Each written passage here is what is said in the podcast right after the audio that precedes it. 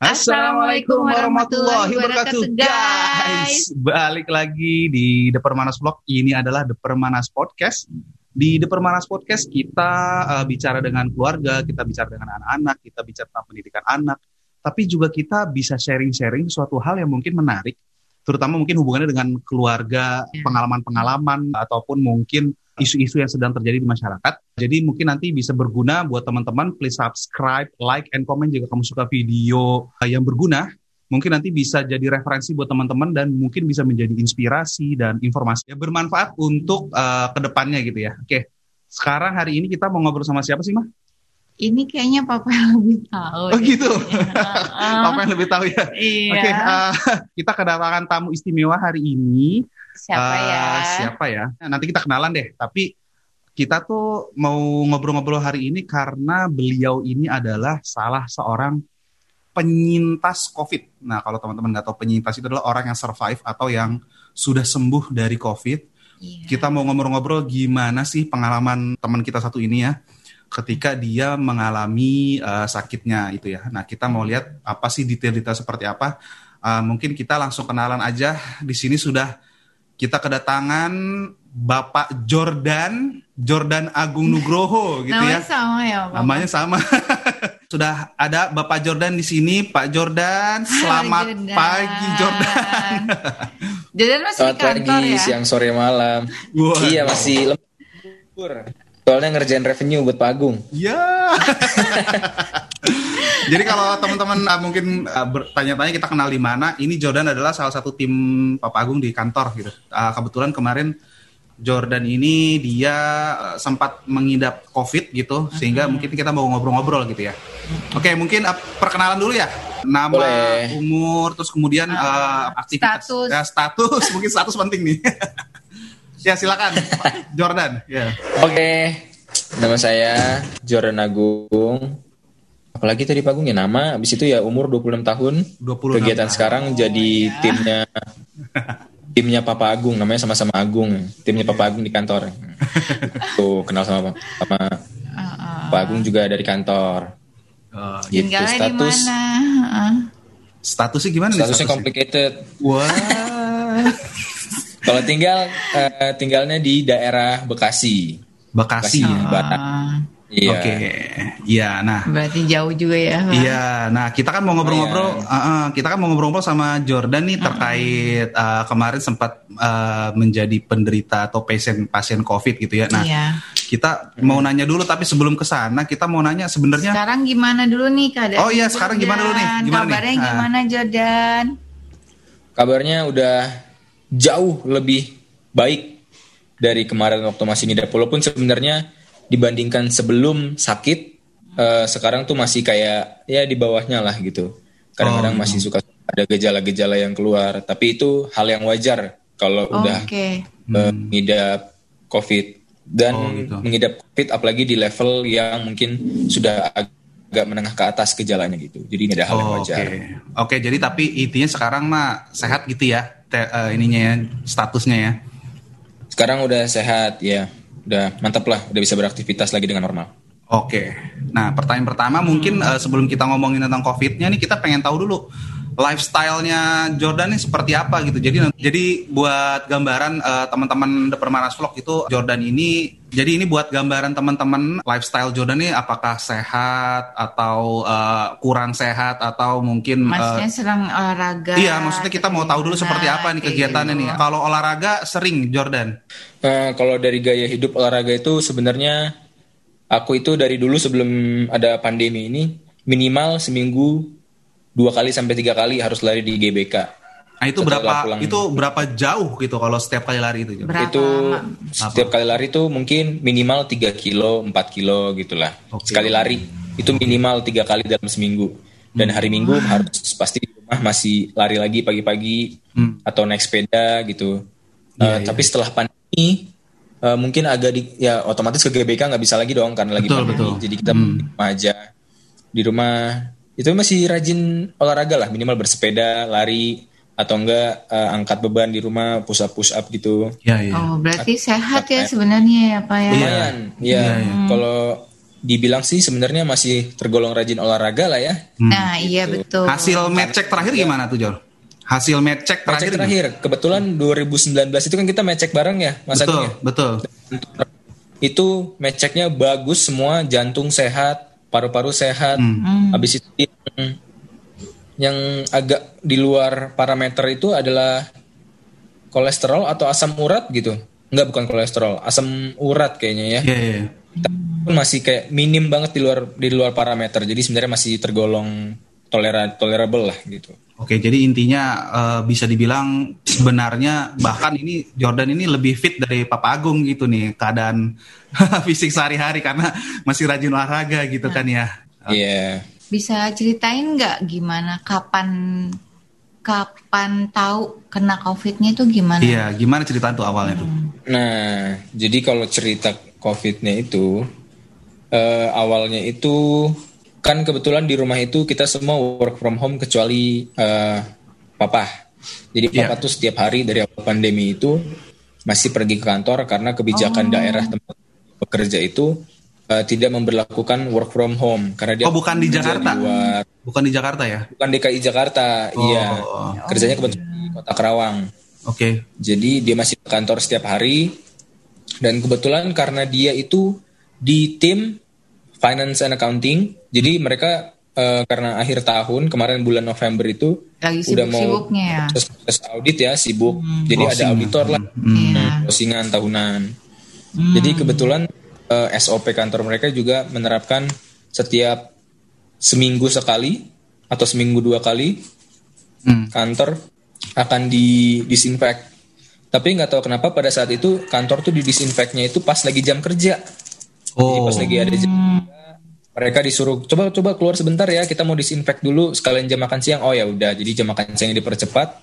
Tapi ternyata pas lagi di disinfect mereka itu kayak ngerasa kebauan karena kan apa zatnya mungkin bau kali yeah. ya mereka pakai zat keras kali ya. Mm tapi ada satu orang dari auditor yang datang ke kantor mereka itu ngerasa kayak kenapa kalian ngerasa kebauan? Aku kok nggak nyium apa apa gitu katanya. Oh. Wah, Iya pasti Padahal bau banget mungkin ya. Padahal bau banget kali. Padahal ya? bau banget. Semua orang tuh udah sampai keluar tutup hidung. Hmm. Cuma dia kayak biasa aja gitu duduk di mejanya. Kenapa kalian pada keluar? Emang bau banget ya. Terus akhirnya mereka kayak iya langsung Tapi sadar maksud, aja gitu di sini. Tapi maksudnya dia kan berarti di sana kalau di kantor itu pasti kan standar protokol tuh semua pasti pakai masker, semua pasti dijalankan pake, kan, gitu kan? Pakai masker. Cuman kan dalam keadaan kayak gitu pasti ya minimal ada apa kasih kasih dokumen. Oh iya. Walaupun berjaga jarak tapi pasti kan ada lah ngobrol-ngobrol gitu. Hmm. nah semua protokol kan jalan pak. Harus uh, di setiap uh, meja itu udah ada hand sanitizer. Habis itu memasuk gedung diperiksa suhu baru semuanya tidak boleh berkerumun. Semuanya tuh dijalankan sampai uh, di ruangan papa juga. Orang tuh nggak boleh ada jadi kayak kalau mau ngasih dokumen udah taruh aja di situ ntar saya yang ambil, saya yang urus. Kalau selesai kamu saya panggil lagi gitu.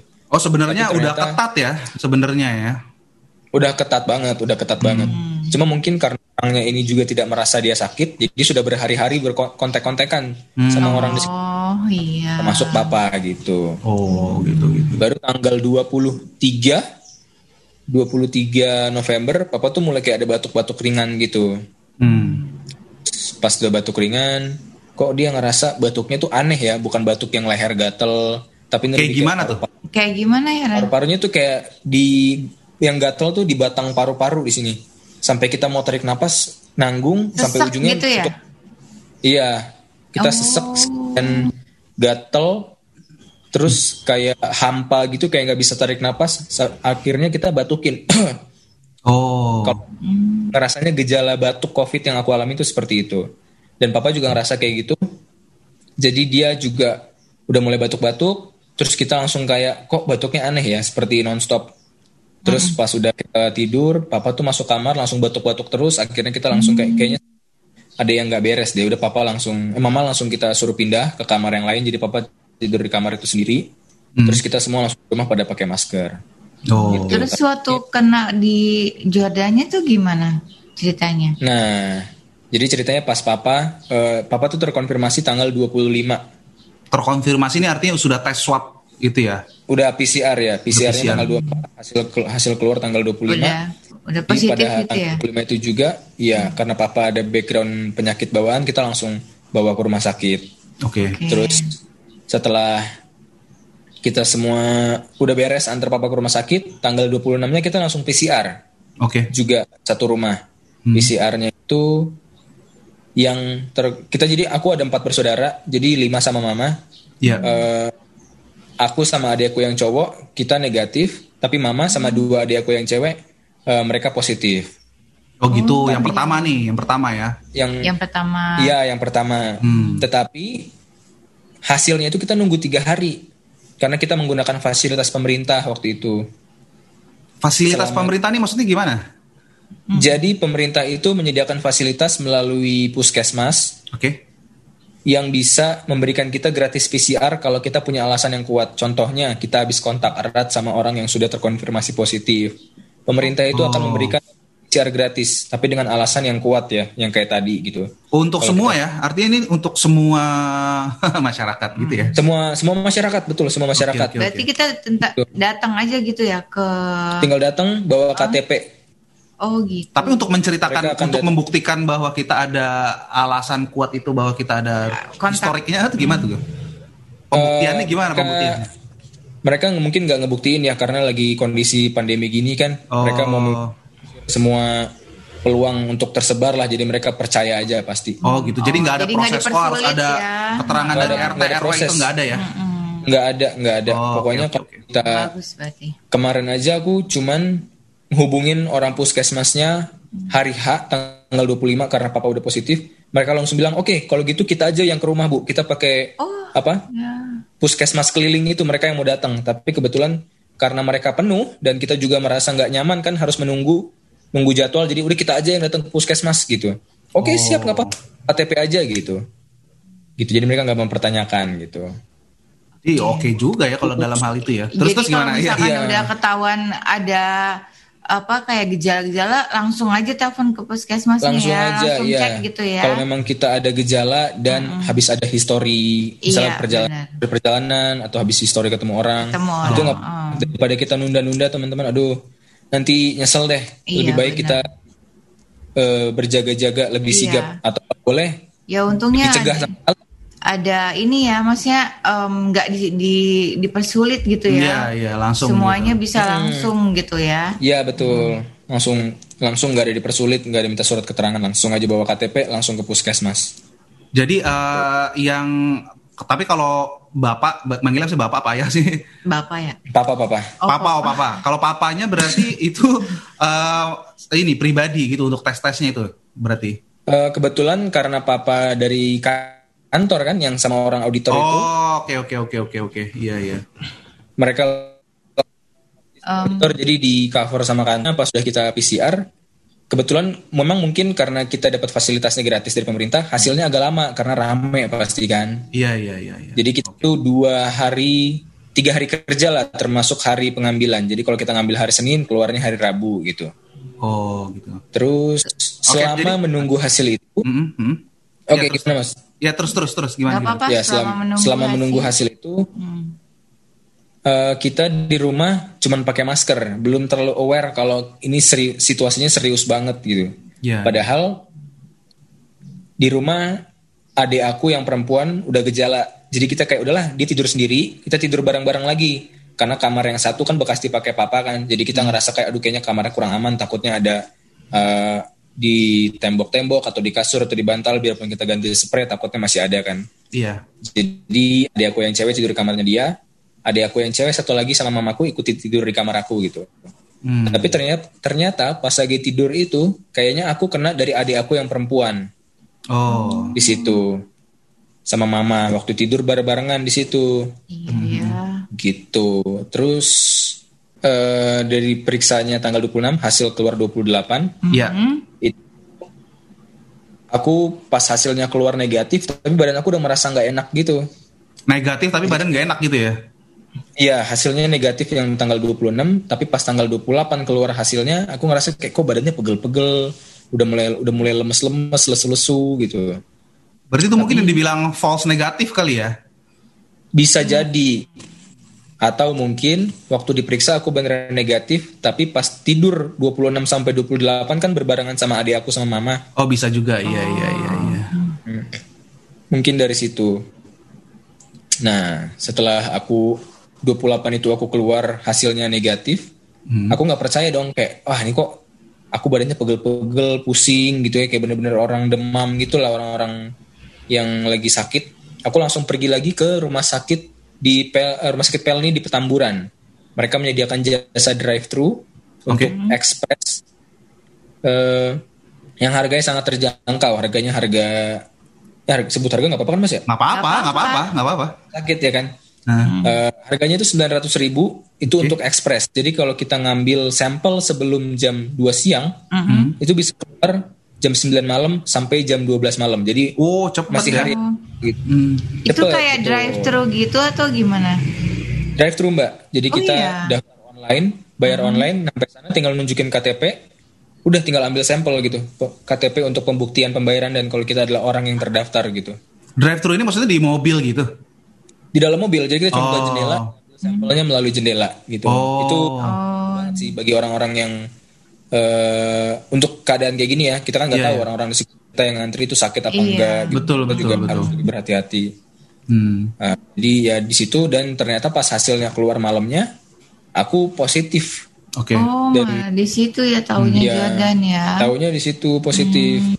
dan kebetulan uh, positif kalau covid itu positif mereka ada threshold value-nya gitu okay, 1 okay. sampai 40 okay. semakin kecil angkanya berarti semakin parah Oh. Uh, nah gitu. Jadian berapa waktu itu? Nilai aku waktu itu 17. Itu oh, berarti udah Iya, iya. Iya, iya, iya. Ya. Hmm. Orang yang sakit batuk-batuk biasa itu mungkin di angka 25, tapi aku di 17. Oke. Okay. Oh, Dan ya setelah aku rasa-rasa sebenarnya aku gejalanya banyak banget. Hmm. Selama enam hari setelah 6 sampai 10 hari setelah aku positif itu gejala aku tuh aku batuk, paru-parunya kayak panas kebakar. Ah. Habis itu demam tinggi sampai 39 hmm. dan itu selama aku demam itu aku nggak ngerasa kalau aku demam. Tapi begitu orang pegang dan cek suhunya itu panas banget. Oh kita nggak ngerasa panas gitu maksudnya? Aku justru nggak ngerasa iya nggak ngerasa. Oh. kayak kayak kayak biasa aja gitu cuman pusing. Kayak ya demam-demam biasa lah gitu. Tapi begitu dicek suhunya sampai 39 orang pegang tuh udah panas banget gitu. Oh. terus abis itu aku ada abdominal pain apa sakit di bagian ulu hati. Oke. Okay. Habis itu aku ada sesak napas ya tadi udah sesak napas. Yeah. Habis itu penghilangan kehilangan penglihatan, kehilangan kehilangan perasa. Hmm. Itu banyak masih banyak ya ada beberapa lagi kayaknya ada dua atau tiga lagi lah gitu. Oke okay, oke okay, oke. Okay dan aku tuh bener-bener gejalanya tuh kayak aneh. Yang kalau malam-malam demam tinggi ntar pagi-pagi kayak mau sembuh. Ntar tiba-tiba udah mulai sore-sore demam tinggi lagi tapi aku nggak ngerasa apa-apa. Baru ntar subuh-subuh nggak bisa tidur pagi-paginya kayak mau sembuh lagi hilang semuanya gitu. Hmm. memang gejalanya aku serumah tuh beda-beda gitu. Kalau adik aku yang perempuan pertama dua dua malam demam konstan dia demam terus. Yeah, dua malam yeah, pertama kalau adik aku yang cowok dia cuma lemas-lemas doang. Oh. Kalau mama aku tuh cuma lemas-lemas doang. Kalau adik aku yang perempuan dia agak lemes, demam sedikit, berganti-gantian. Dan yang paling parah tuh aku sampai sesak napas, habis itu demamnya naik turun gitu. Jadi masing-masing orang itu beda-beda ya, ya ininya. Ya, reaksi badannya beda-beda mbak. Hmm. Kayak papa aku uh, batuk-batuk dan setelah dia mendapatkan perawatan di rumah sakit, batuknya hilang tapi dia cekukan selama lima hari nonstop. Itu kan waduh. Cekukan terus. itu gak enak banget ya cekukan kita. Iya. Aneh lima menit cekukan aja kayak capek ya ini lima hari dia iya. iya dan itu katanya uh, reaksi dari si ininya virusnya gitu. Dia menyerang ke berbagai uh, bagi aspek kita lah okay. kesehatan kita gitu. Um, kalau lalu oh, iya. setelah udah 10 hari Lanjut, lanjut, lanjut. Ya, lanjut aja. 10 hari, akhirnya kayaknya Jadinya mama langsung hubungin rumah sakit tempat di mana papa dirawat, minta disediain kamar. Akhirnya dapet sih. Kita coba minta kamar tuh misalnya mungkin tadi malam ya jam 9 gitu. uh, pagi-paginya udah dikonfirmasi ada jadi aku minta ke sananya itu kita coba cari ambulans. Tapi ambulans kan harus ambulans khusus covid. Iya dong. Iya. tapi ambulans covidnya tuh susah banget carinya di mana-mana. Oh. ya lalu akhirnya kita ya ada pertolongan dari orang yang bener-bener mau sukarela untuk nganterin kita gitu ke sana pakai mobil pribadi.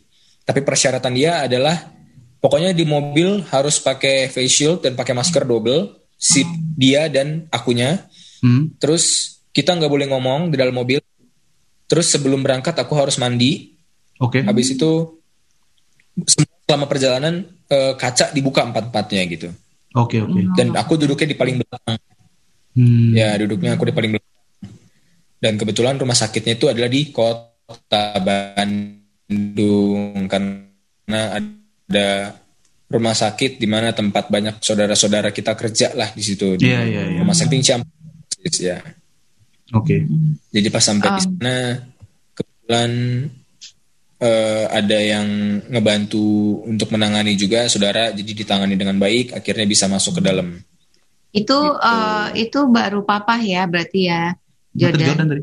oh udah Itu Jordan. Jordan Itu udah. Nah. oh gitu Itu itu aku Mbak, kalau Papa tadi begitu tanggal 25 terkonfirmasi, Langsung. aku langsung antar dengan Langsung. SOP Iya, iya. yang sama. Hmm. Iya, iya.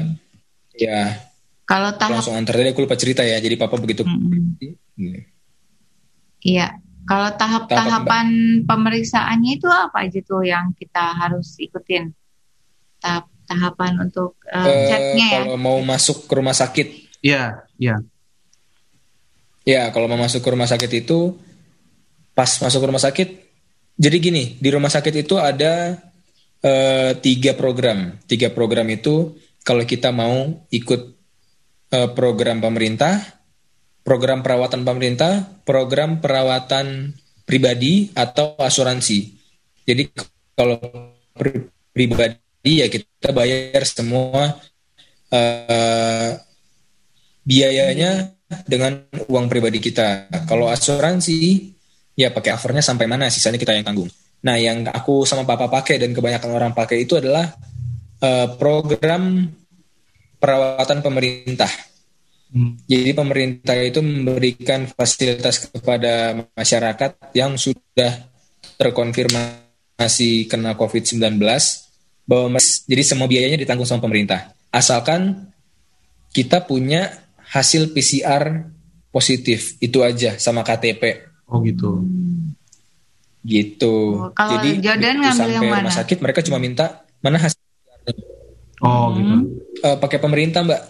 Iya. So- Kita kan nggak tahu kan ha, biayanya seperti apa. Soalnya Hmm. kalau aku research research kayaknya lumayan juga ya untuk perawatan COVID. Iya, iya. iya. Hmm, Berapa sih Pak? Nggak Ber- tahu. Berapa Jordan? Dia kan nggak tahu, dia pakai pemerintah akhirnya totalnya. Eh, aku pakai pemerintah, tapi ada yang bilang perawatan selama dua minggu karena dia ada gejala tinggi, ada yang bilang sampai 150 juta ya Hmm. ngelihat di invoice-nya. Oke. Eh, yang menentukan seseorang itu Lumayan mas juga kan 150 juta hanya untuk dua minggu perawatan kayak gitu. Iya. Yang menentukan seseorang itu boleh masuk rumah sakit dirawat itu apa ya? Yang membedakan dengan orang yang cuma isolasi di rumah aja gitu. Eh, sebenarnya tidak ada yang membedakan sih, tapi anjuran rumah sakit dan tenaga-tenaga medis kalau memang kita masih bisa tahan, tidak ada gejala yang mengkhawatirkan, lebih ba- baik kita di rumah aja. Karena sebenarnya perawatan dalam rumah sakit itu hanyalah perawatan kita dilihat makannya eh, harus teratur, dikasih vitamin, kalau kita ada obat demam cuma dikasih obat demam kalau kita ada batuk dikasih obat batuk. Itu doang sih mas. Jadi sebenarnya apa yang dilakukan di rumah sakit itu kita bisa lakukan juga di rumah Di kalau mau. rumahnya. Hmm. eh, kalau jangan mau ya. Maksudnya kalau nanti ternyata musibahnya eh, teman-teman alamin Iya. eh, diperhatikan dulu. Apakah kita benar-benar ada gejala gitu ya. Kalau memang sudah makin parah ya mungkin boleh dikonsider untuk ke rumah sakit. Karena masih banyak kayak aku waktu kemarin banyak banget orang-orang tua yang ngantri mau masuk rumah sakit aku juga ngerasa kayak kasihan nih orang-orang tua ini gitu tapi aku ngerasa yeah. kayak aku juga udah gak kuat berdiri aja aku udah sampai gak kuat kemarin yeah. apalagi yang orang yeah, udah yeah. lebih tua dari kita ya maksudnya jadi lebih rasanya yeah. lebih susah mm -hmm. kali ya lebih payah gitu ya yeah. hmm. iya betul mereka pasti lebih perlu iya betul nah terus uh, gejala-gejala itu setelah di rumah sakit gitu uh, apakah mem dia tuh sama atau dia makin parah atau makin membaik ketika masuk rumah sakit itu awalnya? Nah, kalau kalau aku tuh gejalanya facing facing gitu mas, jadi bertahap. Hmm. Jadi waktu di rumah aku demam, terus nafsu makannya masih ada, penciuman nafsu makan hilang, okay. penciuman masih ada, baru demamnya ada. Pas sampai rumah sakit, demamnya mulai hilang tapi ada lagi besok besoknya gitu hmm. Tapi pas sampai rumah sakit nafsu makannya mulai ada penciuman dan perasa hilang. Oh. gitu. Jadi semua bertahap. Iya, sakit yeah, yeah. sakit di badan-badan tuh awal-awal ada pertengahan hilang mau akhir-akhir ada lagi gitu. Jadi memang gejalanya keluarnya tuh satu-satu. Dan kita nggak bisa tahu mana yang mau keluar atau apa yang mau keluar gitu. Uh, lebih yeah. baik jadi teman-teman perhatiin. Karena banyak ya ada yang bilang sampai katanya matanya kayak perih, kupingnya susah mendengar, kayak mendengung terus. Hmm. Jadi harus diperhatiin kalau memang ada gejala-gejala yang aneh yang mungkin selama ini nggak pernah kelihatan, yeah. lebih baik diwasin lebih dalam lagi aja. Artinya gejala itu kayak random gitu ya bisa kayak tadi kan ada cegukan. Gejalanya gitu. random. Iya iya. iya. Mm -mm. Gejalanya random nggak tahu kita pokoknya kayak aku aja uh, abdominal pain. Selama ini kan orang kan kayak bilangnya iya nih mual mual atau diare gitu kan. Tapi hmm. aku ngerasa kayak hati aku kayak dipencet gitu kayak di squeeze jadi sakit. Hmm. terus pas udah diskusi sama dokter oh ya itu efek dari virusnya. Dia nyerang ke bagian situ tapi nggak vital katanya. Oke. Okay. oke okay, oke okay, oke. Okay. gitu nah terus kemudian kalau atau uh, ketika sakit itu uh, apakah ada spesifik kayak vitamin atau obat-obatan yang dikonsumsi? Yang mungkin bisa jadi referensi juga nih buat teman-teman nih kali Iya, jadi kalau sebenarnya obat-obatan kayak aku bilang tadi, sebenarnya COVID itu kan kita belum punya obatnya. Jadi kalau dia menyerang kita misalnya kita pusing demam, yang akan diminum adalah obat pusing, obat demam gitu. Ya, kalau ya, kita ya. Uh, diserangnya badannya pegel-pegel, yang diminum ya obat yang pegel-pegel gitu kali. Pegel ya. gitu. Jadi uh, yang dilakukan di rumah sakit juga dan saran dari teman-teman medis yang aku udah sempat konsul-konsul lebih baik kita minum bukan minum vitamin malah kalau bisa makan yang vit, vitamin alami ya makan buah oh. habis itu ya, mm. ya disupport dengan vitamin-vitamin gitu jadi kalau bisa yang utamanya itu adalah vitamin-vitamin al alami gitu yeah, yeah, yeah. jadi aku selama kemarin sakit itu karena gejalanya banyak ya aku minum obat untuk gejala itu banyak lah gitu yeah, iya. gejala yeah. demamnya aku minum semua gejala gitu. itu diminum hmm. obat-obatannya ya yeah, betul Terus on top of untuk obat uh, on top of obat-obat itu yang pastinya aku tuh setiap habis makan makan tiga buah tiga jenis buah. Oh gitu. Jadi mungkin satu, satu buah potong misalnya aku habis makan aku makan semangka dipotong. Hmm. baru habis itu minum jus misalnya habis itu jus melon gitu aku minum jus melon. Baru satu lagi misalnya buah naga satu biji sendiri. Pokoknya makanannya cemil cemilin gitu oke. okay gitu dan Jadi aku benar-benar Enggak ya benar-benar dari alami gitu ah, iya benar iya benar-benar alami hmm. dan kalau vitaminnya apa aku minumnya sih vitamin B C D E sama zinc Oke. Okay. Jadi kayak lima vitamin gitu sekali se untuk sekali minum ya pagi itu sekali, siang sekali, malam sekali gitu. Kalau untuk dosisnya uh, tergantung kondisi kita juga ya. Hmm. Karena kemarin aku sempat drop banget, aku tuh mungkin sekali minum bisa sampai 2000 sampai 3000 dosisnya. Oh gitu ya. 2000 okay, okay. mili ya per dosis, tapi itu yang pas kritis-kritisnya banget tuh awal-awal gitu. Hmm.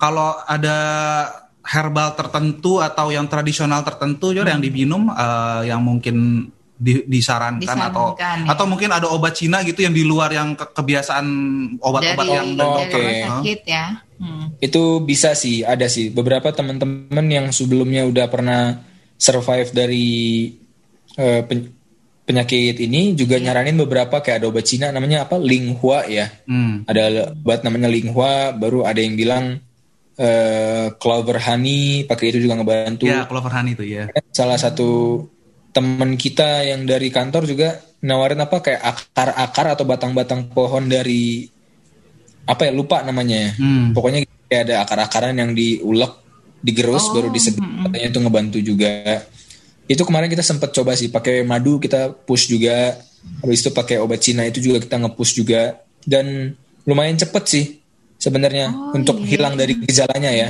oke okay. hilang dari gejalanya cuma lumayan cepet gitu berapa lama sih Jordan uh, dari sakit sampai di rumah terus di rumah sakit uh, terus akhirnya balik uh, ke rumah kembali gitu. sehat lagi sampai akhirnya benar-benar sehat uh, uh.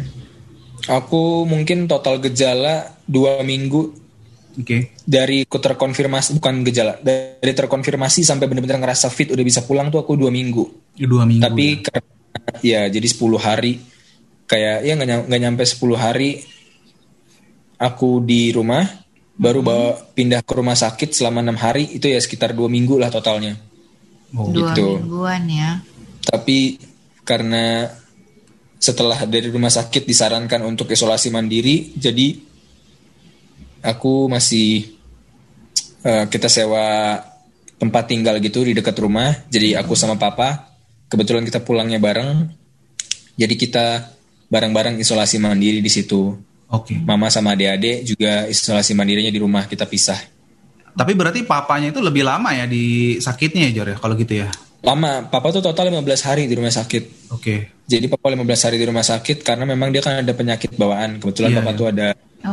uh, uh, penyakit jantung. Jadi yeah. enzim di jantungnya itu yang sebenarnya mungkin hanya membutuhkan sekitar 100 mm -hmm.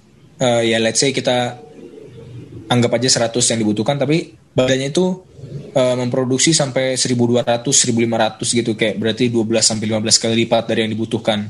Dan itu katanya uh, berbahaya lah karena yang diserang kan organ vital gitu. Jadi yeah, yeah. ketat lah.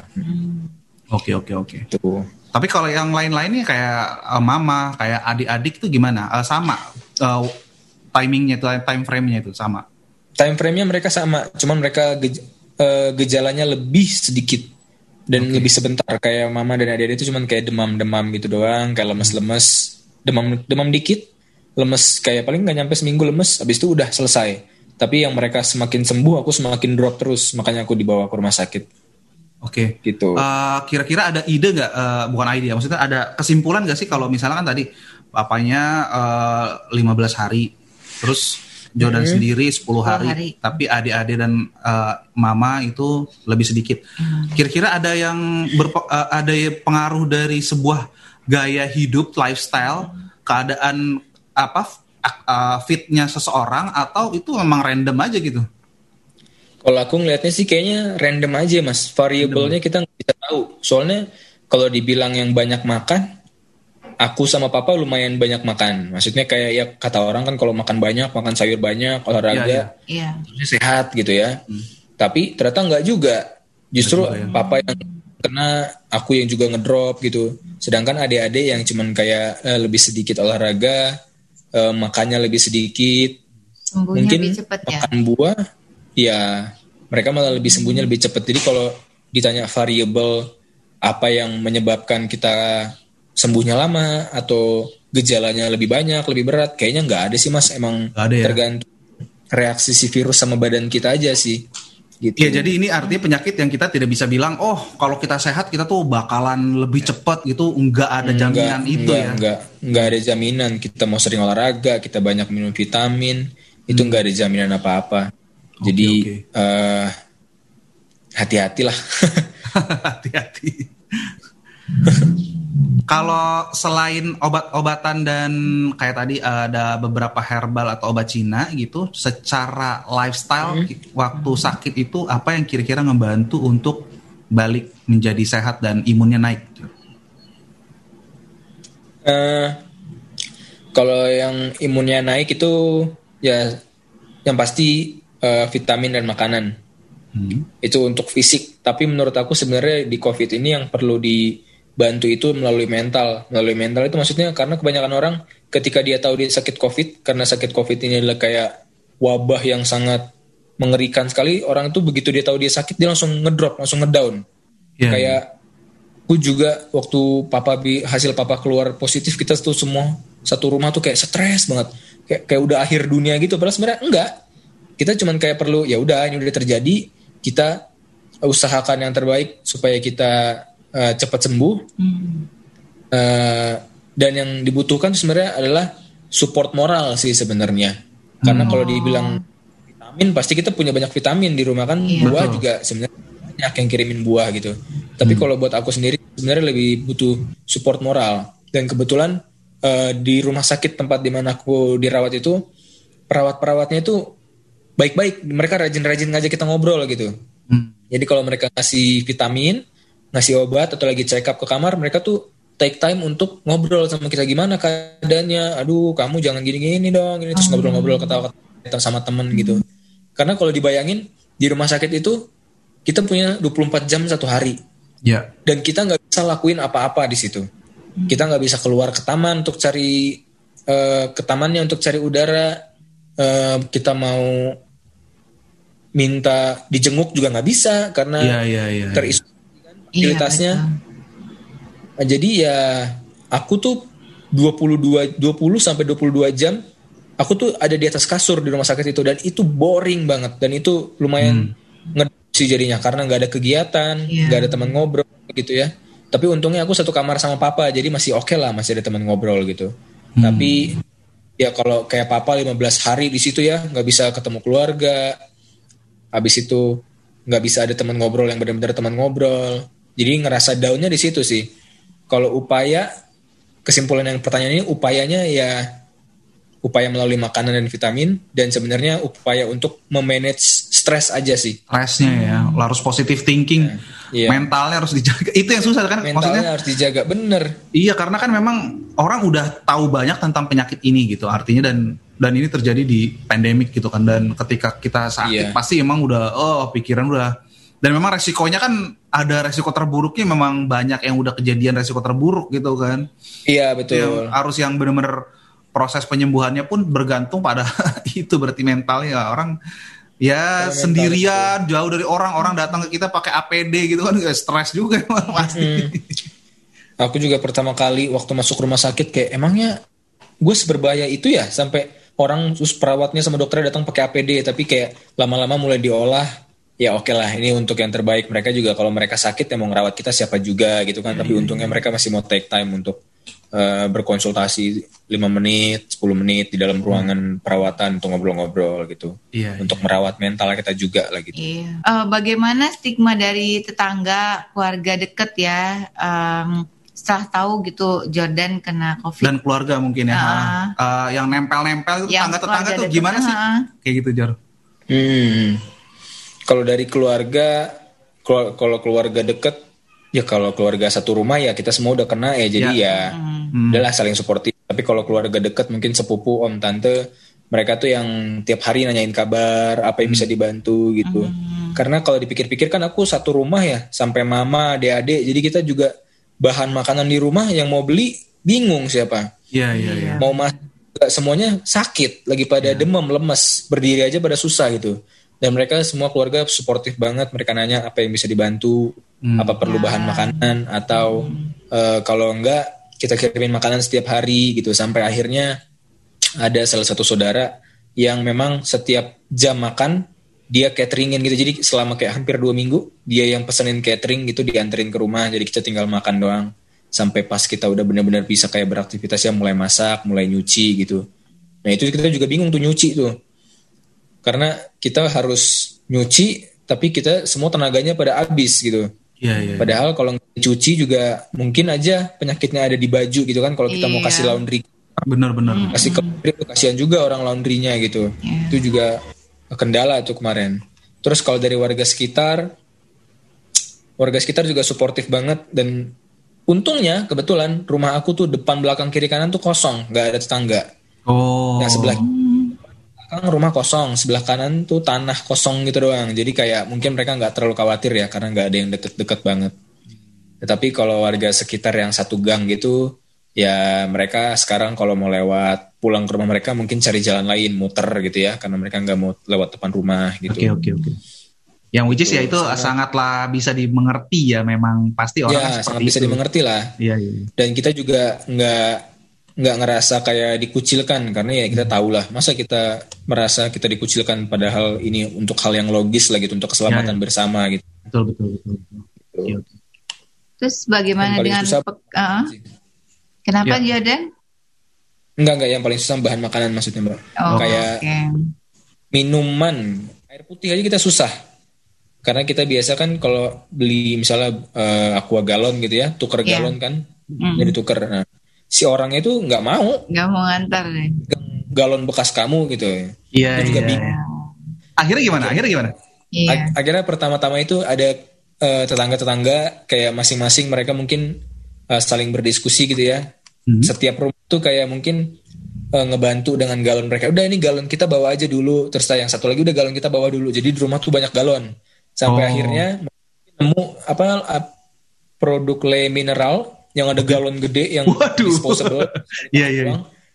Jadi itu ya, kayak ya dikirimnya sekali kirim 5, 10 gitu ke rumah. Oh, itu Jadi maksudnya dia lebih gede dari galon biasa gitu. Segalon biasa Mas, tapi oh, dia biasa. Bahannya ya segalon biasa cuma bahannya kayak botol plastik biasa. Jadi habis dipakai oh, dibuang gitu. Oh, ada ya kayak gitu ya. Kita Iya, jadi itu itu ngebantu banget sih. Lemon banget sih. Oh. Jadi bukan yang dibalikin iya, lagi gitu ya. Iya, bukan yang diisi ulang. Bukan dibalikin lagi. Iya, iya. iya. Yang isi ulang, bukan yang isi ulang. Terus dengan pekerjaan gimana Jordan? Wah, dengan pekerjaan support lah tim saya lah. Soalnya ada Pak Agung di sini. Kalau nggak sih dimarahin kalau saya balikin.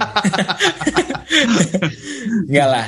Pokoknya begitu saya bilang uh, saya pertama orang tua ya orang tua hmm. udah papa udah kena kayak aku kan harus juga take care of uh, kondisi-kondisi papa ngebantu hmm. juga ngeberesin yang perlu diberesin di rumah hmm. tim juga suportif banget lah ya udah nggak apa-apa beresin aja dulu ntar kerjanya dioper aja dulu gitu sambil sambil kalau aku ada waktu luang aku balik lagi ke, ke ini untuk diskusi eh, coba-coba bantu atau selesaiin apa yang bisa diberesin gitu sampai akhirnya aku terkonfirmasi dan aku kabarin mereka langsung kayak udah Jor nggak usah pokoknya semua kerjaan kita yang handle kirimin aja kerjaannya kita yang beresin gitu.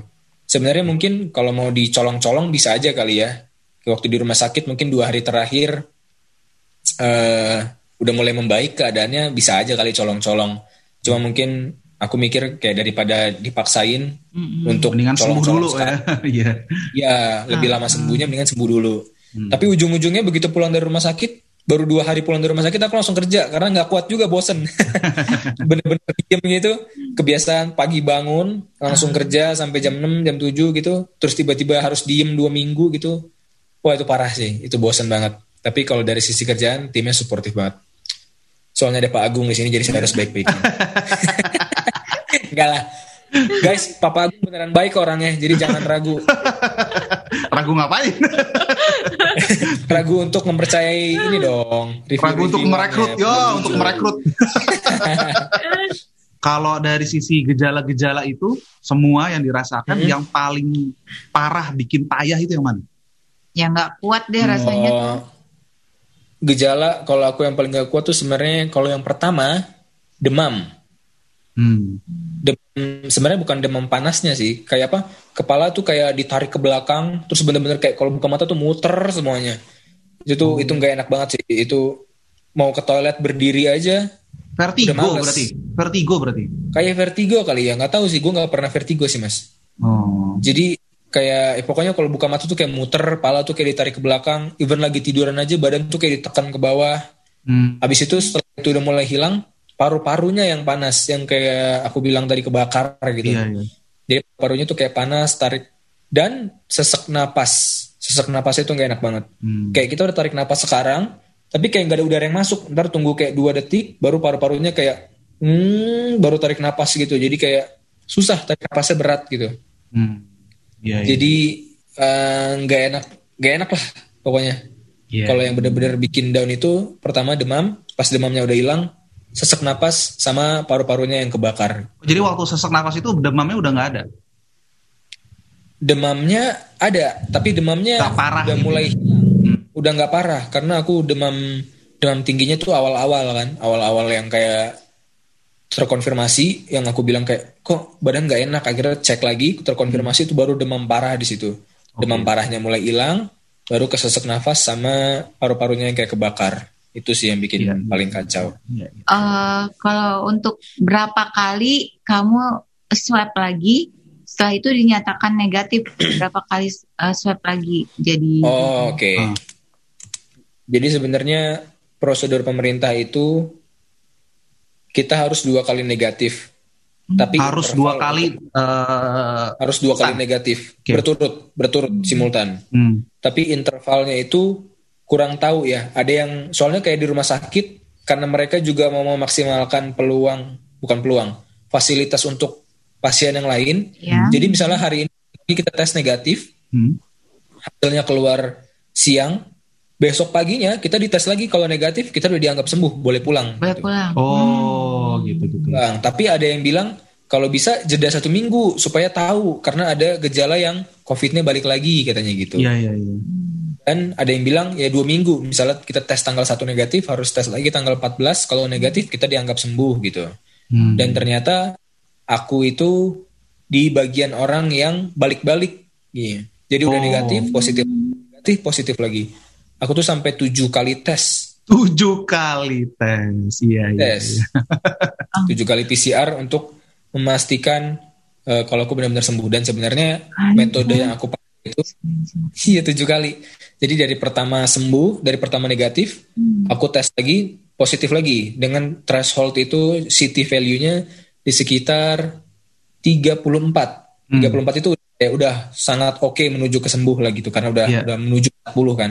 Yeah. Terus aku lagi berikutnya negatif. Tes lagi berikutnya positif dengan CT value 36. Oh, udah mulai naik lagi. Hmm. Tes lagi negatif, tes lagi positif 38.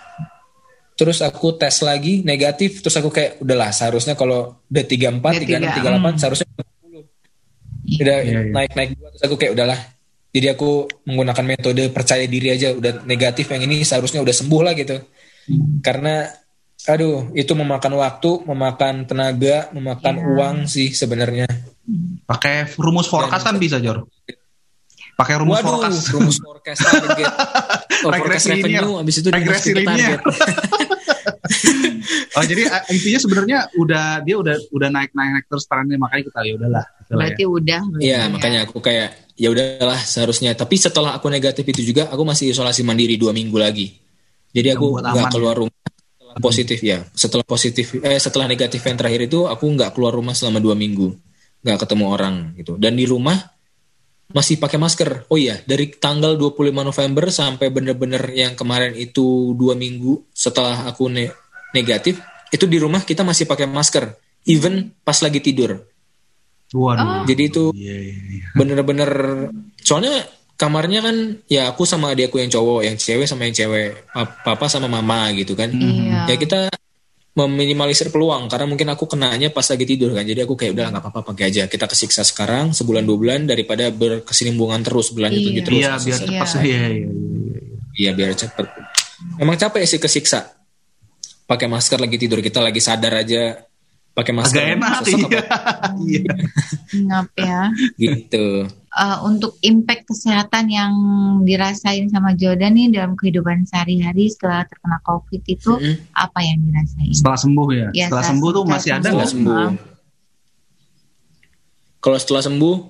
Ya masih dirasain yeah. kan masih ada nih. Sembuh? Mm. Itu ngerasa badan kita lemes banget karena mungkin uh, ya dua minggu di atas kasur gitu ya. Otot yeah. kita nggak ada yang itu hmm. itu lumayan berasa nih. Berdiri aja lebih dari lima menit 10 menit capek. Jangan kan berdiri. Oh, waktu itu waktu ya? baru kerja, iya. Hmm. Waktu awal baru kerja sempat juga diskusi eh, eh lagi diskusi sama Mas Agung duduk, kita duduk, tapi kayak Mas gue nggak kuat nih kayaknya keliengan gitu. Ya, Dan itu ya. cuma duduk gitu. Itu awal-awal tuh masih keliengan banget itu tuh, nggak kuat badannya. Terus mulai dua minggu kemudian udah mulai oke okay lah, udah bisa duduk, udah bisa lebih uh, lama lagi kerjanya atau beraktivitasnya gitu.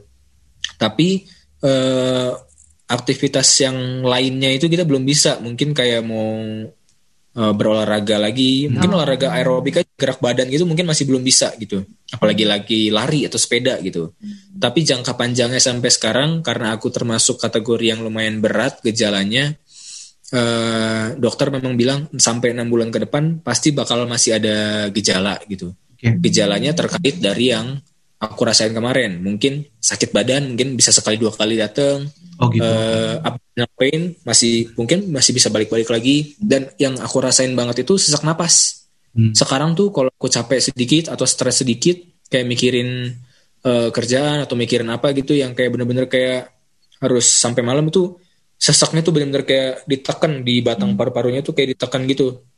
Sampai yeah. kayak orang asma kali ya aku aku nggak tahu sih Iya kayak asma kali ya jadinya ya. Iya. Napas hmm. tuh kadang-kadang ada bunyinya kayak gitu oh, ada gitunya ya. bunyi gitu. Iya. Sempet sempet pernah kayak gitu kalau lagi kemarin itu lagi kumat tuh kayak gitu. Untungnya kumat ya, bukan bukan konsisten dia ada terus gitu. Oh. Wah, kalau ada terus dia nggak kuat sih. Oke okay, oke. Okay, Harus pakai obat-obatan kali ya kalau konsisten kayak gitu terus. Uh, oh. Kemudian kalau misalnya sudah sembuh gini, apakah sudah bisa dibilang hmm. udah kebal COVID? Uh untuk orang yang sudah hmm, sehat? Nah, kemarin itu pertanyaan yang sama juga muncul dari aku sama papa waktu di rumah sakit waktu itu sebelum kita dipulangin. Okay. Dokternya nasehatin, pokoknya kalau udah sembuh bukan berarti bapak kebal ya. Itu yang ngomong udah udah, udah dokter ya teman-teman. Hmm. Karena katanya COVID itu dia kan bermutasi. Mungkin yang aku kena sekarang COVID jenis A. Tapi yeah, kan yeah. banyak di sana jenis B, C, D, E, F, G itu peluangnya kita kenanya itu sangat ada banget gitu. Jadi bukan berarti kalau kita udah COVID kita bakal kebal, enggak. Tetap ada peluangnya. Jadi dokter tetap bilang tetap harus jaga prokes, pakai masker, menjaga jarak, jangan uh, berkerumun-kerumun itu semua dokter tetap bilang gitu loh.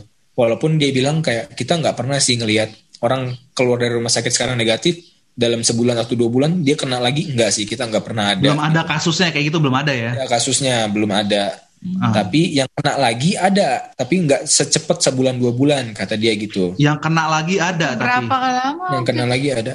Oke oke. Okay, uh, dia bilang ada yang kena tiga, eh, empat bulan, empat bulan kemudian dia kena lagi, tapi tidak dirawat. Oh. Karena mungkin dia orangnya udah tahu kali ya perawatannya juga ya sebenarnya kita menjaga diri aja banyak vitamin gitu. Jadi dia percaya diri untuk isolasi mandiri. Mungkin badannya gitu. juga udah lebih kuat juga kali ya untuk nahan itu. Betul, sudah lebih bisa menahan. Tapi tapi kalau tapi kenanya tadi, bisa ya, kena lagi itu bisa gitu. Bisa. Kalau pertanyaan tadi apakah bisa kena lagi? Bisa banget. Iya, iya. Jadi bukan berarti kebal gitu. Iya. Oke, oke, oke, oke. Oke, uh, nextnya paling ini kan kita udah hampir ini kita paling udah pertanyaan-pertanyaan terakhir nih. Uh, sebagai seorang penyintas atau yang survivor atau hmm. orang yang selamat dari sakit COVID itu sudah sembuh dinyatakan negatif, uh, saran atau masukan apa yang bisa disampaikan kepada orang-orang yang sekarang mungkin masih berjibaku, masih jadi pasien, masih sakit, masih baru ngedon-ngedonnya mentalnya, mau kasih saran apa atau masukan apa, John? Hmm, Oke. Okay. Uh, eh, buat kalau teman-teman yang masih berjuang karena sudah terkonfirmasi positif ke COVID-19, hmm. eh, saran aku sih nggak perlu takut karena obat yang manjur itu sebenarnya adalah pikiran yang bahagia gitu aja sih. Kalau kita minum obat mau sebanyak apa pun, obatnya sekeras apa pun, kalau kita nggak percaya obatnya bakal sembuhin kita, kalau kita nggak bahagia, wah itu bahaya sih, nggak guna sih kayaknya obatnya. Hmm. Lebih baik kita uh, yakinin aja kita bakal sembuh, kita sehat gitu. Dan kalau bisa keluarga-keluarga juga uh, disupport, mungkin ditanyain kabarnya, ditemenin. Apalagi yeah, kalau yeah. yang lagi isolasi mandiri di, dan dirawat di rumah sakit itu bosen banget sih. Oke okay, oke okay, oke. Okay. Kayak 20 jam harus di atas kasur gitu kan beristirahat. Kalau mereka nggak ada kerjaan itu itu lumayan menyita pikiran mereka untuk lebih ngedown sih itu. Jadi semangat aja, vitaminnya di banyakin dirutinin buah-buahan dibanyakin yang uh, vitamin C-nya lah ya semangka, melon, mangga, jeruk yang simpel-simpel aja jeruk juga ngebantu banget kok gitu dan positif thinking aja kalau kita bakal sembuh gitu. Pokoknya positif thinkingnya harus dijaga, thinking, jangan ya. ngedown gitu ya, ya, percaya. Jangan ngedown. Iya. Jalani aja udah banyak orang yang sehat juga, insya Allah sama-sama sehat. sehat gitu kok. Ya, ya, ya. Sekarang research tentang COVID juga udah lebih banyak kok. Kalau dulu mungkin awal-awal orang sembuhnya lama karena belum pada tahu ini sebenarnya behavior virusnya kayak gimana gitu. Hmm. Kalau sekarang kan udah banyak yang uh, sembuh, udah banyak cerita-ceritanya, jadi kita bisa lebih paham juga menanganinya gitu. Oke. Okay.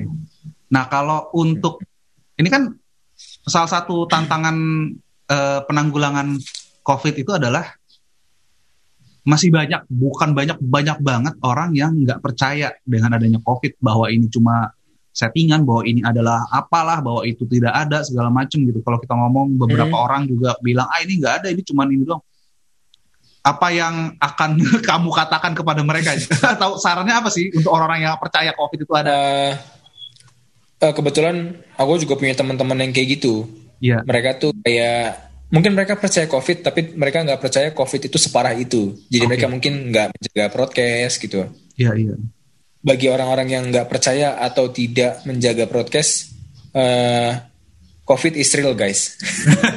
COVID dan itu bener-bener nyiksa sih kalau sampai kena. Mungkin kalian secara pribadi kalau kena ya udah OTG paling cuman apa sih batuk batuk ya biasa juga batuk mungkin ya. Iya yeah, iya. Batuk ya aja buat batuk gitu. Tapi kalian nggak tahu orang di sekitar kalian tuh reaksinya kayak apa. Kalau kalian Betul. punya orang tua, uh, orang tua kalian yang kena yang repot kalian juga mungkin kalian secara pribadi nggak ngerasa nggak ngerasa sakit nggak ngerasa kalian itu direpotkan karena penyakit ini tapi kalian akan direpotkan dengan sekitar kalian gitu karena hmm. sekitar kalian tidak bisa uh, menangani covid seperti kalian tangani itu gitu jadi ya, ya, ya. Kalau memang kalian sayang sama orang sekitar kalian sayang sama keluarga kalian tolong kalian jaga protokol kesehatan kalau kalian benar-benar nggak mau repot diperhatikan semuanya protokol kesehatannya supaya meminimalisir lah gitu. Iya iya iya. Untuk penyebarannya gitu. Uh, kalau untuk pelajarannya apa yang bisa diambil dari kejadian ini ya Jordan? hmm, pelajarannya wah banyak banget. uh, eh nambahin kali mas ya? Oke okay, boleh boleh boleh uh, kalau orang kan sekarang kan banyak yang bingung nih kalau menangani kayak mereka stres nanganin covid tuh kayak gimana gitu ya. Yeah, yeah. Ini kan dan cara menanggapi covid. Sebenarnya kalau kita kemarin tuh papa tuh sempat hesitate juga. Ah iya kali aku covid kata papa gitu kayak. Ya, tapi kan kita nggak tahu covid nggak kenal kita siapa, covid nggak kenal kita orang yang sehat atau enggak, hmm. covid nggak kenal kita uh, ngerasa sering olahraga kok nggak mungkin lah gitu. Hmm. Enggak covid nggak kenal. Pokoknya uh, ini ini yang papa ceritain ke orang juga nih. Papa tuh bilang kayak kalau kita punya seribu protokol kesehatan, cuci tangan, pakai masker, bla bla bla bla bla bla. Tapi kalau ternyata dari seribu itu ada satu aja yang miss, kita cuma jalanin 999, kita kena gitu. Jadi jangan ngerasa saya udah ini kok, udah ini, udah ini, tapi ternyata ada satu yang kecil yang kita lupain gitu. Yeah, ternyata yeah. kita ada tapi kita ngerasa kayak enggak, nggak mungkin lah, nggak mungkin ini cuma gejala capean kalau atau gitu nggak boleh intinya nggak boleh denial. Oh, Oke. Okay. Nggak boleh denial. Kalau memang kita nggak udah ngerasa nggak boleh berkecil hati gitu. Pokoknya kita harus berbesar hati aja. Oke kita periksain. Karena kalian harus ingat kalian tuh harus sayang sama orang di sekitar kalian juga. Iya. Yeah, Apalagi kalau uh, mungkin keluarga keluarga banyaknya teman-teman aku juga yang keluarga keluarga kecil gitu. Dia yang mensupport keluarganya. Ternyata dia yang sakit.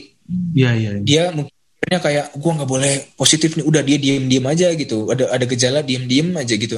Oh. itu sebenarnya kalau hmm. dia malah lebih berbahaya untuk keluarganya iya, dia. benar, iya iya benar bisa aja lebih panjang atau mungkin bisa aja nularin ke istrinya anaknya gitu. Iya. Benar benar. Iya benar jadi benar. lebih baik ya udah kita berbesar hati aja terima kita periksa kalau memang ternyata beneran sakit uh, uh, sakit positif, diobatin ya, itu kan. Diobatin secepat hmm. mungkin supaya kita bisa kembali lagi normal gitu. Iya. jadi kecil hati sih kalau kita yeah. benar-benar ada gejala atau ternyata uh, positif dan ya jangan ngerasa akhir dunia juga kalau kita ada positif hmm. enggak ini cuma doang kok sebelum-sebelumnya juga pasti kita pernah kena DBD pernah kena tipes sih kita jalanin aja kita obatin betul, betul. gitu gitu sih kadang merasa begitu. Uh, kadang merasa kata katanya kalau misalkan emang udah sekitarnya udah kena terus kalau misalkan dia nggak nggak tes gitu ya hmm. pak jadi kayak tadinya enggak jadi iya gitu loh. Ada yang kayak gitu oh, kan. Jadi kayak takut. Ah, tadinya takut. gua enggak tapi oh. sama tes malah jadi iya. kayak gitu kan. Padahal kan emang udah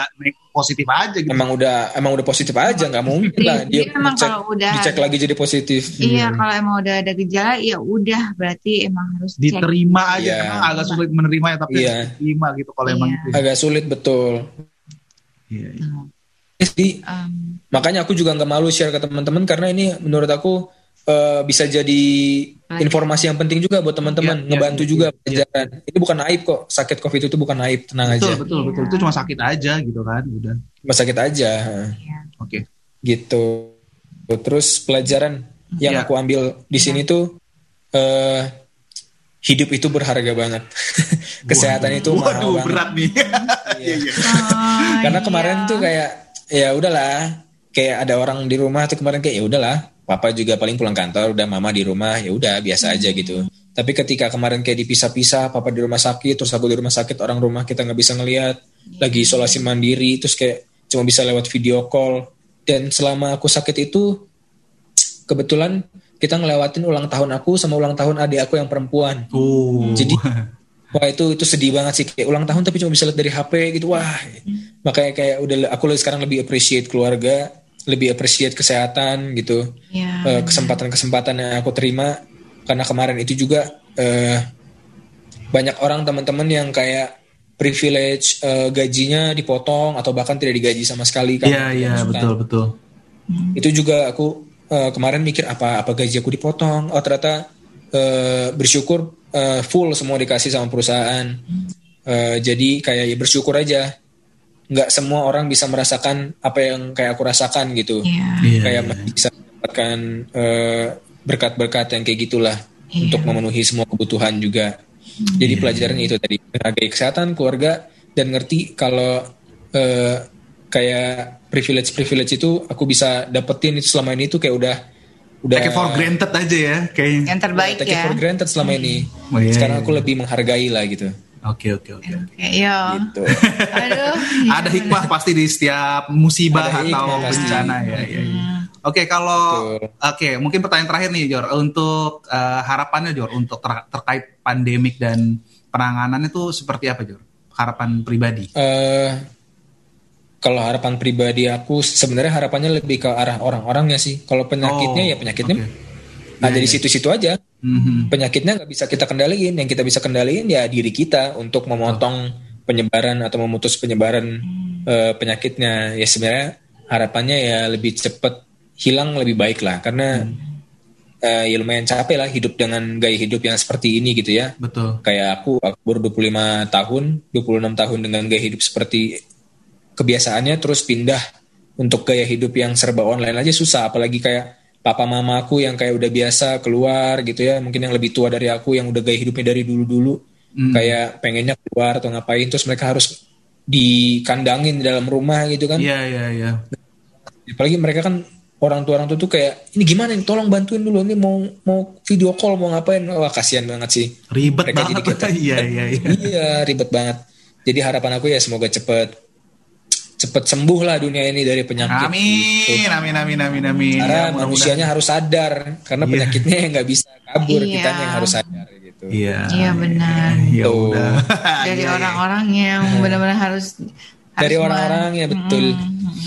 Oke, kalau gitu iya. tadi kita udah dengerin uh, teman-teman ada banyak insight, ada banyak masukan, ada banyak wisdom juga yang tadi teman-teman bisa dengerin dari ceritanya Jordan uh, dan pengalamannya kemarin uh, menjadi salah seorang pasien COVID dan alhamdulillah sekarang sudah jadi penyintas, sudah yeah. sudah survive gitu kan. Mudah-mudahan bisa jadi yeah. apa sih informasi dan inspirasi mungkin buat teman-teman yang masih sakit gitu kita doakan semoga semua uh, teman-teman yang apa namanya yang sakit bisa lekas sembuh amin, gitu kan. Semoga amin. penanganan COVID bisa lebih baik lagi ke depannya.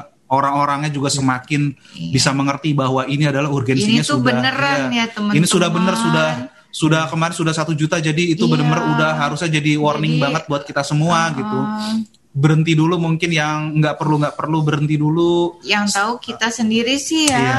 harus seperti apa jadi kita uh, sebisa mungkin kita stay dulu di rumah sebisa mungkin jika memang tidak berkepentingan kalau memang berkepentingan silahkan tapi dengan hmm. jalankan prokes yang, yang itu aja. kali yang yang tepat kali ya hmm. gitu ya oke kita kita sudah ngobrol hampir satu jam udah satu jam lebih sebenarnya. Satu jam Kalau lebih malah ya. Iya satu jam lebih. Jadi karena memang ini banyak banget informasinya. Iya. Terima kasih kepada ya, Jordan ya. ya atas semua insight. Terima kasih. Uh, sharingnya. Sama-sama.